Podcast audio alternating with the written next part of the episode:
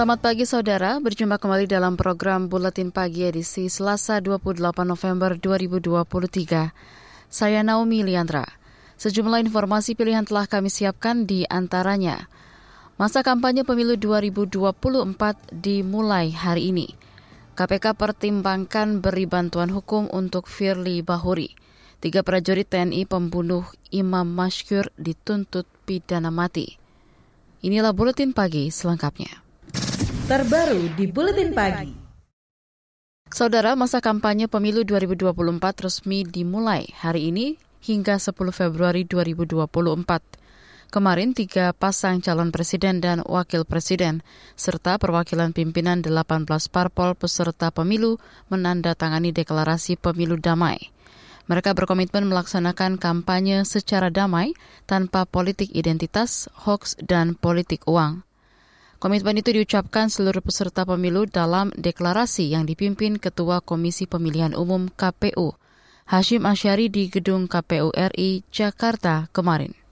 Dua, melaksanakan kampanye pemilu yang aman, tertib, damai, berintegritas, tanpa hoaks, tanpa politisasi sara, dan tanpa politik uang. Itu tadi Ketua KPU Hashim Asyari. Sementara itu Ketua Bawaslu Rahmat Bagja mengingatkan peserta pemilu 2024 agar melaksanakan kampanye sesuai aturan. Ada sanksi tegas berupa teguran tertulis hingga ancaman pidana bagi pelanggar kampanye pemilu. Menghadapi tanggal 28 ini, kerawanan yang kami prediksi mungkin saja bisa terjadi. Akan tetapi, Gakumdu dalam strategi penanganan tindak pidana pemilu akan mengedepankan asas ultimum remedium tindak pidana pemilu sebagai upaya hukum terakhir. Ketua Bawaslu Rahmat Bagja turut menekankan upaya pencegahan dan peningkatan pengawasan pada pemilu 2024. Saudara, potensi misinformasi dan disinformasi yang bisa memecah belah mesti dicegah pada pemilu 2024. Hal itu disampaikan Kapolri Listio Sigit Prabowo usai menandatangani deklarasi netralitas TNI Polri di Jakarta kemarin. Listio berharap di masa kampanye masyarakat bersinergi menjaga perdamaian. Dengan adanya hoax, dengan adanya ajakan-ajakan acuhan yang kemudian bisa memecah belah persatuan tersebut. Jadi yang paling kita utamakan bagaimana menjaga persatuan dan kesatuan walaupun berbeda-beda pilihannya. Karena kita negara besar, kita harus jaga pada pemilu kali ini, Mabes Polri mengaktifkan operasi Nusantara Cooling System yang dikepalai Asep Edi Suheri. Operasi ini diluncurkan awal September lalu untuk mengantisipasi perpecahan dan konflik di masyarakat. Sementara itu, Kementerian Komunikasi dan Informatika menemukan seratusan konten negatif pemilu yang sudah diturunkan atau di take down sepanjang Januari hingga Oktober 2023. Menurut Dirjen Informasi dan Komunikasi Publik Kemenkominfo Usman Kansong, konten disinformasi paling banyak ditemukan. Jadi sampai, Oktober ya, sampai Oktober kita menemukan 100 konten. Konten-konten yang negatif, yang berbau politik dan pemilu. Jadi dua kali lipat ya, dua kali lipat dibandingkan 2022. Dan kami menduga, kami menduga di masa kampanye akan semakin banyak ya semakin banyak hoax politik atau disinformasi politik karena itu kita uh, mulai mengetatkan pengawasan di ruang digital. Nah, jadi umumnya sekarang ini kebanyakan disinformasi ya. Dirjen Informasi dan Komunikasi Publik Kominfo Usman Kasong menuturkan, kecerdasan buatan dimanfaatkan untuk mengawasi konten-konten seputar pemilu di masa kampanye. Selain itu, Kominfo juga melakukan patroli siber dan membuka aduan dari masyarakat. Saudara Lembaga Analis Media Sosial Drone Emprit berpandangan potensi penyebaran hoax pada pemilu perlu diperangi lintas pemangku kepentingan. Misinformasi, disinformasi hingga malinformasi bisa ditangkal oleh peserta pemilu dengan rutin memberikan klarifikasi. Berikut pernyataan pendiri Drone Emprit Ismail Fahmi topik-topik disinformasi itu kan seputar latar belakang capres cawapres dan isu-isu yang muncul hmm. politik dinasti politik identitas ya hmm. atau kemudian masa-masa lalu capres cawapresnya itu uh, itu saya kira harusnya sudah bisa diantisipasi hmm. mereka sudah bisa bikin skenario sejak sekarang hmm. apa yang kira-kira akan muncul hmm. nah, itu masing-masing capres cawapres sudah bisa bikin itu harusnya timnya kan nah ketika suatu saat isu itu muncul mereka nggak perlu lagi uh, kelabakan sudah siap dengan jawabannya ketika ada misinformasi yang salah harus dilawan sesegera mungkin informasi yang benar. Pendiri Drone Emprit Ismail Fahmi memprediksi kampanye hitam bakal marak menyasar latar belakang peserta pemilu khususnya capres-cawapres. Ismail juga menyinggung peran media penyiaran, cetak online hingga media sosial dalam meredam penyebaran informasi yang keliru. Menurutnya diperlukan kerjasama kuat antara KPU, Bawaslu, Polri, Kominfo, dan peserta pemilu untuk menjaga masa kampanye berjalan lancar, aman, dan damai. Saudara KPK pertimbangkan beri bantuan hukum untuk Firly Bahuri. Tetaplah di Buletin Pagi KBR.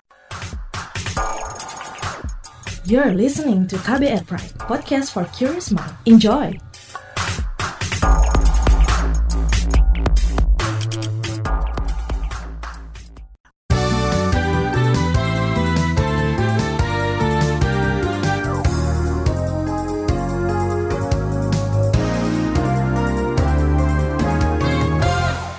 Anda sedang mendengarkan buletin pagi KBR.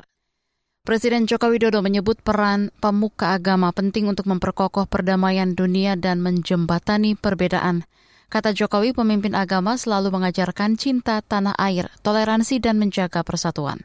Pesan itu disampaikan Jokowi kemarin saat membuka konferensi internasional otoritas keagamaan di Jakarta.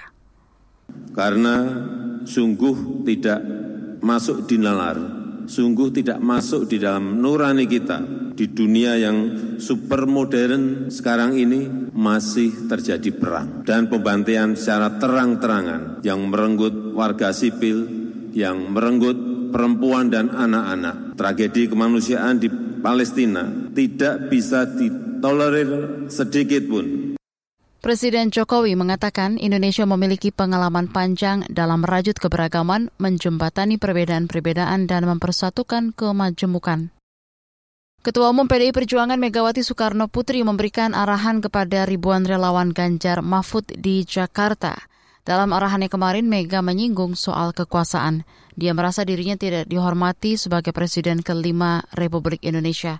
Namun Mega tak menyebut pihak yang dimaksud kadang-kadang saya kan ya apa ya saya manusia juga dong. Nah, tapi kan bayangkan lo kok saya kayak nggak dihormati ya? Lo kenapa? Lo saya jelek-jelek ya pernah presiden lo. Dan masih diakui dengan nama presiden kelima Republik Indonesia loh itu tadi Ketua Umum PDIP Megawati Soekarno Putri. Sebelumnya dalam beberapa kesempatan elit PDIP sempat menyinggung soal tekanan kekuasaan yang salah satunya disampaikan Sekjen Hasto Kristianto. Partai Keadilan Sejahtera PKS menjanjikan Jakarta bakal tetap menjadi ibu kota negara jika menang di pemilu 2024. Ketua DPP PKS Mardani Alisera menekankan sikap itu bukan bentuk penolakan terhadap upaya membangun penajam pasir utara garis bawahnya ketika PKS mengangkat ibu kota tetap DKI Jakarta, itu PKS bukan menolak Penajam Pasar utama untuk dibangun justru akan diusulkan 12 pusat pertumbuhan ekonomi baru ketimbang cuma satu yang IKN. Ketua DPP PKS Mardani Alisera menyebut Capres Anies Baswedan tidak menolak keberadaan IKN, sebab IKN sudah menjadi produk undang-undang sehingga harus tetap dijalani. Namun Anies memberikan catatan atas pembangunan IKN. Kita ke informasi hukum. Ketua Komisi Pemberantasan Korupsi KPK Nawawi Pomolango mengatakan pemberian bantuan hukum kepada Firly Bahuri masih dalam pembahasan. Keputusannya akan dilandasi sejumlah pertimbangan, salah satunya zero tolerance terhadap korupsi. Kami banyak mempertimbangkan banyak hal karena kita punya komitmen bahwa lembaga ini adalah lembaga yang harus zero tolerance daripada isu korupsi. Itu akan menjadi bagian pertimbangan kami apakah akan melakukan pendampingan atau tidak pada yang bersangkutan. Itu tadi Ketua KPK Nawawi Pemolango. Adapun Firly Bahuri sudah mengajukan pra-peradilan atas penetapan dirinya sebagai tersangka. Sebelumnya Firly ditetapkan sebagai tersangka oleh Polda Metro Jaya atas tindakan pemerasan terhadap eksmentan Syahrul Yasin Limpo. Masih soal hukum, aktivis HAM Haris Azhar mengungkap maksud pencantuman kata Lord kepada Luhut Binsar Panjaitan dalam podcastnya yang kini dipermasalahkan. Dalam nota pembelaannya kemarin, Haris menyebut penyematan kata Lord merupakan bagian dari tren di samping juga banyaknya jabatan yang diemban Luhut. Adapun Haris dituntut pidana penjara 4 tahun. Dalam video siniar, judul dengan tambahan Lord Luhut tidak menunjukkan hal, hal apa pun selain sekedar mengikuti tren yang sudah populer belaka. Itu tadi aktivis HAM Haris Azhar. Dalam sidang kemarin hadir perwakilan dari Federasi Internasional untuk HAM atau FIDH Asia. Desk Director FIDH Asia Andrea Giorgetta mengatakan kasus yang menimpa Haris dan Fatia merupakan upaya pembungkaman terhadap pembela HAM. Kita ke berita ekonomi. Menteri Perdagangan Zulkifli Hasan atau Zulhas mendorong pemanfaatan dana APBD dan belanja tidak terduga BBT, BTT. Kata dia, Pemda bisa menggunakan dana itu untuk memobilisasi pangan khususnya komoditas cabai rawit dan merah. Nah cabai berapa banyak sih satu kabupaten? Kalau naiknya sebulan 10 ribu, 500 juta juga payah ngabisinnya untuk menurunkan harga itu. Itu, itu tinggal mau apa tidak aja. Jadi mekanisme sudah ada. Oleh karena itu biasanya gejolak nggak lama, gejolak nggak lama, sebentar terkendali. Sebelumnya BPS mencatat rata-rata harga cabai rawit dan cabai merah naik lebih 30 persen dalam sebulan terakhir. Rata-rata harga cabai rawit sudah lebih dari 82 ribu per kilogram di 322 daerah. Sedangkan harga cabai merah tembus 66 ribu per kilogram di 358 daerah. Menteri Luar Negeri Retno Marsudi besok bakal menghadiri debat tingkat tinggi Dewan Keamanan PBB di New York, Amerika Serikat. Pada agenda tersebut, Retno mengatakan akan mendorong gencatan senjata di Gaza hingga penghapusan penjajahan di Palestina. Pada tanggal 29 November nanti akan dilakukan high level debate di Dewan Keamanan PBB mengenai isu Gaza. Para menteri luar negeri OKI yang memperoleh mandat dari OKI akan hadir dalam pertemuan termasuk kami sendiri sore nanti akan terbang ke New York untuk menghadiri high level debate di Dewan Keamanan PBB. Menteri Luar Negeri Retno Marsudi menambahkan tekanan internasional harus terus diberikan untuk menghentikan serangan Israel ke Gaza. Kata dia, jeda kemanusiaan menjadi awal yang baik tetapi belum cukup untuk meredam situasi konflik di Gaza. Kita ke berita negara. Para perunding Mesir, Qatar, dan AS sepakat memperpanjang gencatan senjata selama empat hari di Gaza yang akan segera berakhir. Dikutip Reuters, Israel akan menyetujui satu hari gencatan senjata tambahan untuk setiap tambahan 10 sandera yang dibebaskan dan akan membebaskan tiga kali lipat jumlah warga Palestina setiap kalinya. Sementara seorang pejabat Palestina yang akrab dengan perundingan gencatan senjata mengatakan Hamas dan Israel menunjukkan sikap tepat terhadap permintaan memperpanjang jeda pertempuran meski keputusan akhir belum tercapai. Sementara itu perang diperkirakan menewaskan 1.200-an warga Israel dan lebih 14 ribuan warga Gaza yang mayoritas perempuan dan anak-anak. Kita ke berita olahraga. Pebalap motor Fabio Di Giantonio resmi bergabung dengan tim balap VR46 pada MotoGP musim 2024. Ia mengisi kursi yang sebelumnya diduduki Luca Marini. Direktur tim VR46 Alessio Salucci menilai pada beberapa balapan terakhirnya bersama Gresini Racing, Di Giantonio mampu membuktikan diri sebagai salah satu pebalap muda paling kompetitif. Pengumuman Di Giantonio sebagai pebalap VR46 muncul beberapa jam setelah Honda Racing Corporation mengumumkan perekrutan Luca Marini.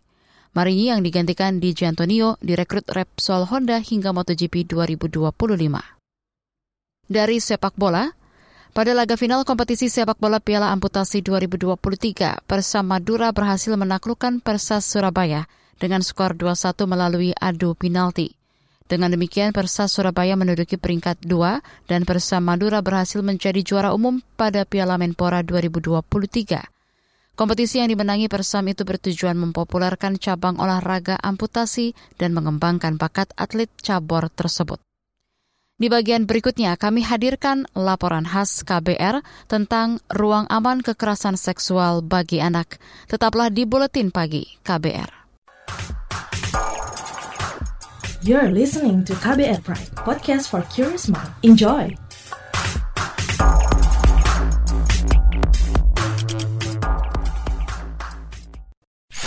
Commercial break. Commercial break.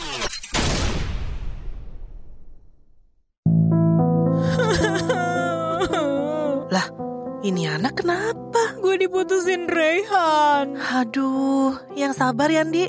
Saran gue, biar nggak terlalu kecewa, kalau jatuh cinta, jangan terlalu mendalam deh. Biar Saga aja yang mendalam. Ih, apaan sih lo? Kok jadi bawa-bawa Saga? Siapa sih Saga? Kepo, makanya kenalan. Saga, cerita tentang nama, peristiwa, dan fakta. Saya siap untuk membuat perubahan. Pasti ujungnya mati. Anggap yang lain. Saga menghadirkan kisah-kisah inspiratif, cerita tentang nama, peristiwa, dan fakta. Hasil liputan mendalam yang dikemas menarik dengan kualitas jurnalistik terbaik. Dengarkan Saga di podcast KBR Prime dan di program Buletin Pagi setiap pukul 6 waktu Indonesia Barat di radio jaringan KBR di seluruh Indonesia.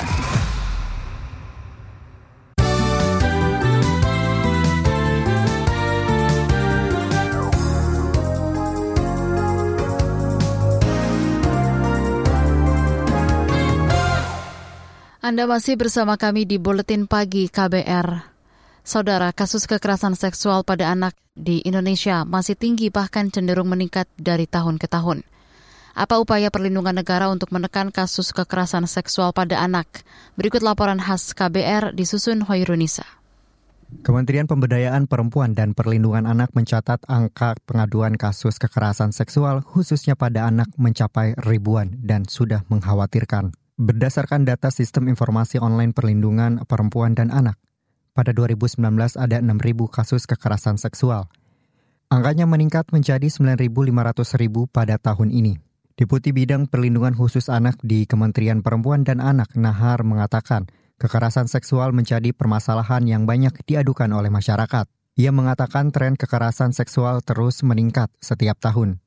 Meski saat ini terjadi tren penurunan, namun angkanya masih tinggi dan cukup mengkhawatirkan dari tahun ke tahun itu mengalami peningkatan. Di tahun 2023, Januari sampai April sudah 2.518.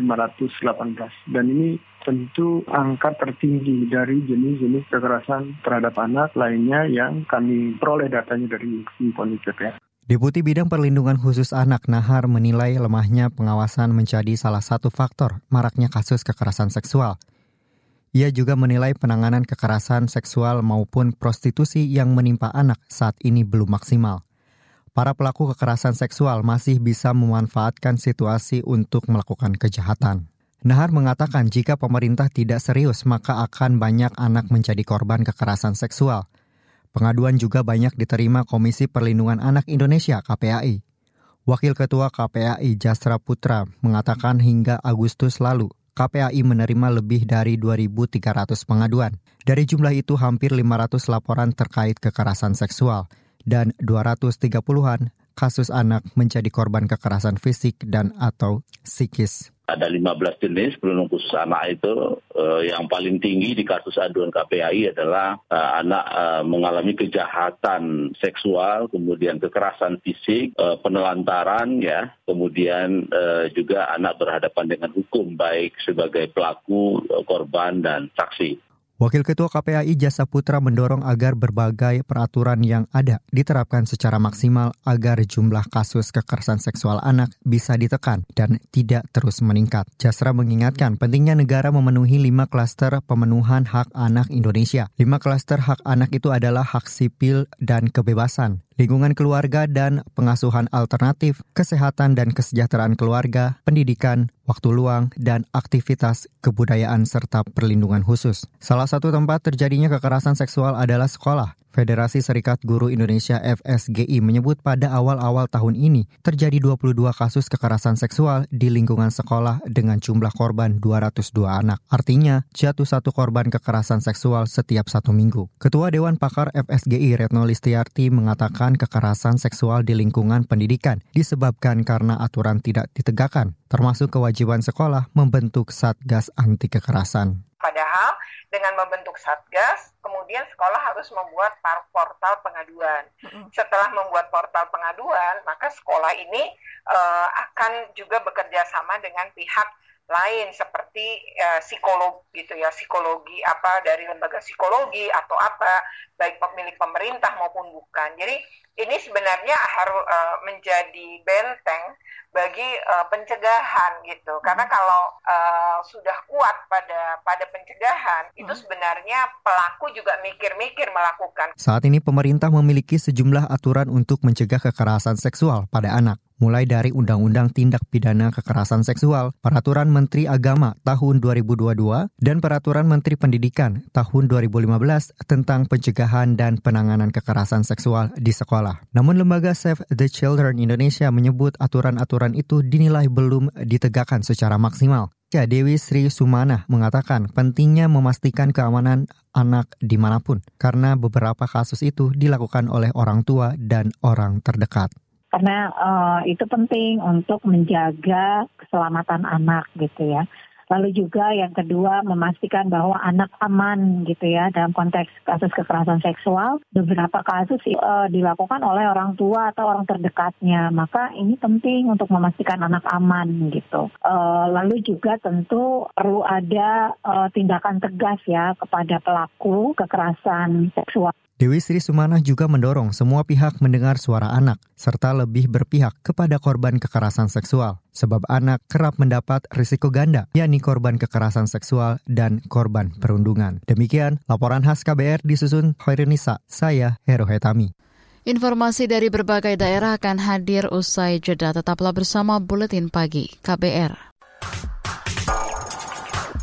You're listening to KBR Pride, podcast for curious mind. Enjoy!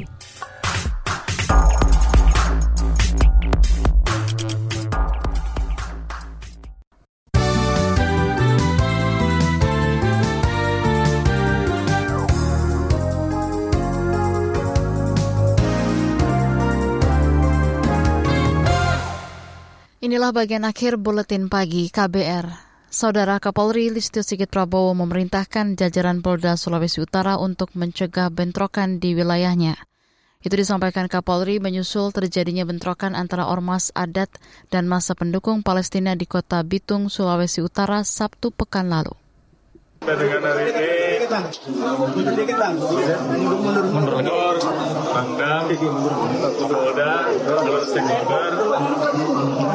bersama-sama ya untuk mengimbau agar peristiwa yang terjadi tidak terulang lagi. Itu tadi Kapolri Listio Sigit Prabowo. Sebelumnya bentrokan ormas adat dan masa aksi bela Palestina mengakibatkan satu korban tewas.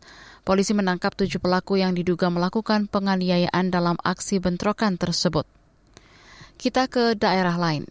Gunung Anak Rakatau yang berada di perairan Selat Sunda, Kabupaten Lampung Selatan, kemarin siang kembali mengalami erupsi. Tinggi kolam abu teramati sekitar 2.000 meter di atas permukaan laut. Dikutip antara Pusat Vulkanologi dan Mitigasi Bencana Geologi PVMPG melaporkan, saat ini Gunung Anak Rakatau berada pada level 3 siaga. Masyarakat nelayan pendaki gunung diminta tidak mendekati gunung dengan radius 5 km. Kepala Pos Pantau Gunung Anak Rakatau Andi Suradi mengatakan, pemukiman terdekat dari Gunung Anak Rakatau ada di Pulau Sebesi yang berjarak 16,5 km. Warga desa di Pulau Sebesi sempat panik karena mendengar dentuman dari erupsi Gunung Anak Rakatau. Kita bergeser ke daerah lain. Tiga anggota TNI pembunuh Imam Maskur dituntut hukuman mati oleh jaksa di Pengadilan Militer TNI Jakarta. Tuntutan dibacakan jaksa auditor militer Letkol Upen Jaya Supena kepada Praka Riswandi Manik, Praka Heri Sandi, dan Praka Jasmawir. Terdakwa satu, pidana pokok, pidana mati, pidana tambahan, dipecat dari dinas militer, ceki TNI Angkatan Darat.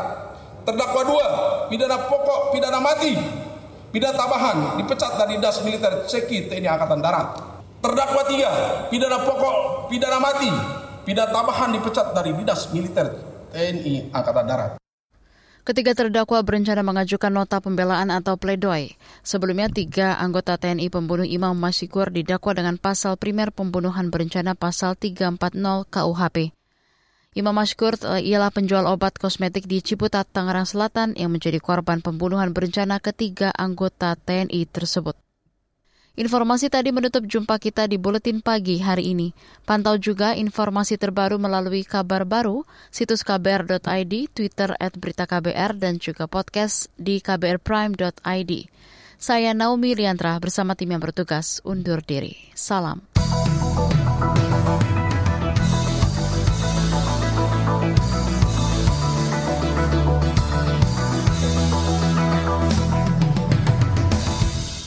KBR Prime, cara asik mendengar berita. KBR Prime, podcast for curious mind.